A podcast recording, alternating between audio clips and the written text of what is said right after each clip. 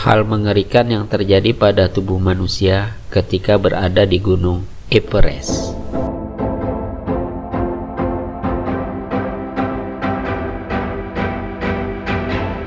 Apa jadinya bila manusia berada di titik tertinggi bumi?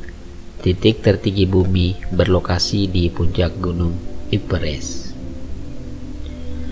Titik yang juga dikenal dengan nama zona kematian ini menjulang setinggi 8.848 meter di atas permukaan laut. Dengan ketinggian seperti ini, kadar oksigen yang tersedia pun sangat sedikit. Sebagai perbandingan, sekitar 21% komposisi udara pada ketinggian permukaan laut adalah oksigen.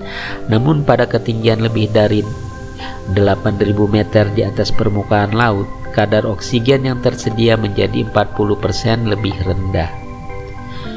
Zona kematian bukan sekedar julukan semata.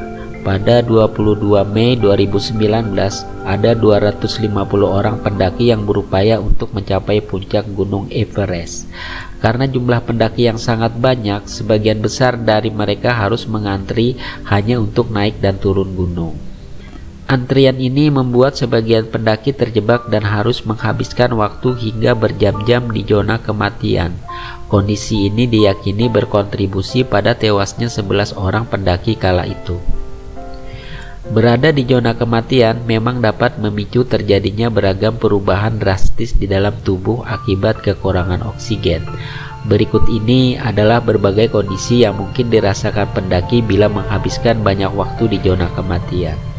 Satu, kadar oksigen darah setara dengan pasien di ambang kematian. Seorang dokter yang pernah mendaki Gunung Everest pada 2007 Jeremy Windsor turut mengungkapkan fakta yang menarik setelah memeriksa sampel darah dari empat orang pendaki di zona kematian. Windsor mengatakan sampel darah keempat pendaki tersebut hanya seperempat dari kadar oksigen orang-orang yang berada di ketinggian permukaan laut. Kadar oksigen tersebut setara dengan kadar oksigen pada pasien yang sedang diambang kematian. 2. Seperti berlari di treadmill. Pendaki David Bracehair mengatakan penggunaan tabung oksigen di zona kematian mungkin tak bisa banyak membantu. Meski pendaki di zona kematian bernapas dengan bantuan tabung oksigen, mereka masih akan merakas mereka masih akan merasa seperti sedang bernapas lewat sedotan atau seperti sedang berlari di treadmill. 3. Sel tubuh mengalami kematian.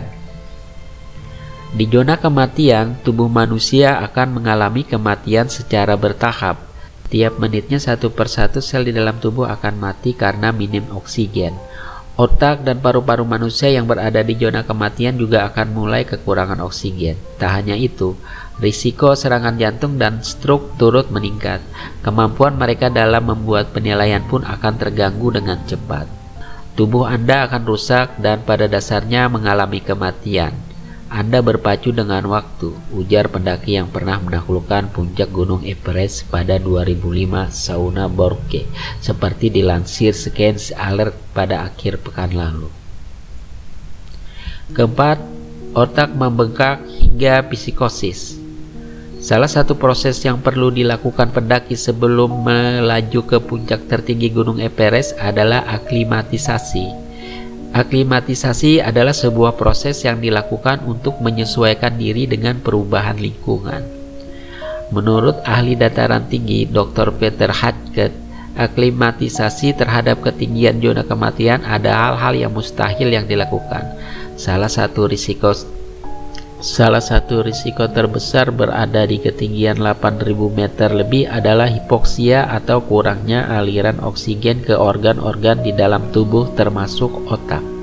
Bila otak tak mendapatkan cukup oksigen, otak akan mulai membengkak dan memicu terjadinya high altitude cerebral edema. Pembengkakan pada otak dapat memicu mual, muntah, serta kesulitan untuk berpikir dan pertimbangan. Otak yang kekurangan oksigen juga dapat membuat pendaki kesulitan untuk menghap untuk memahami lokasi untuk memahami lokasi keberadaan mereka sendiri. Mereka juga bisa memasuki fase delirium yang menurut sebagian ahli bisa dianggap sebagai bentuk dari psikosis dataran tinggi. Kelima, insomnia hingga kebutaan. Udara yang sangat tipis di zona kematian dapat membuat pendaki kesulitan untuk tidur dengan baik. Suhu yang terlampau dingin juga bisa membuat kulit yang tak tertutup pakaian membeku dengan cepat. Selain itu, berkurangnya aliran darah ke area jari tangan dan kaki bisa memicu frostbite. Pada kasus yang berat, frostbite akan menyebabkan kematian jaringan dan kulit jari. Bila hal ini terjadi, jari yang terdampak biasanya harus diamputasi. Glare dari Salju dan es yang tak berkesudahan di zona kematian juga bisa memicu terjadinya kebutaan salju yang membuat pendaki kehilangan penglihatan sementara. Masalah lain yang mungkin terjadi adalah pecahnya pembuluh darah di mata.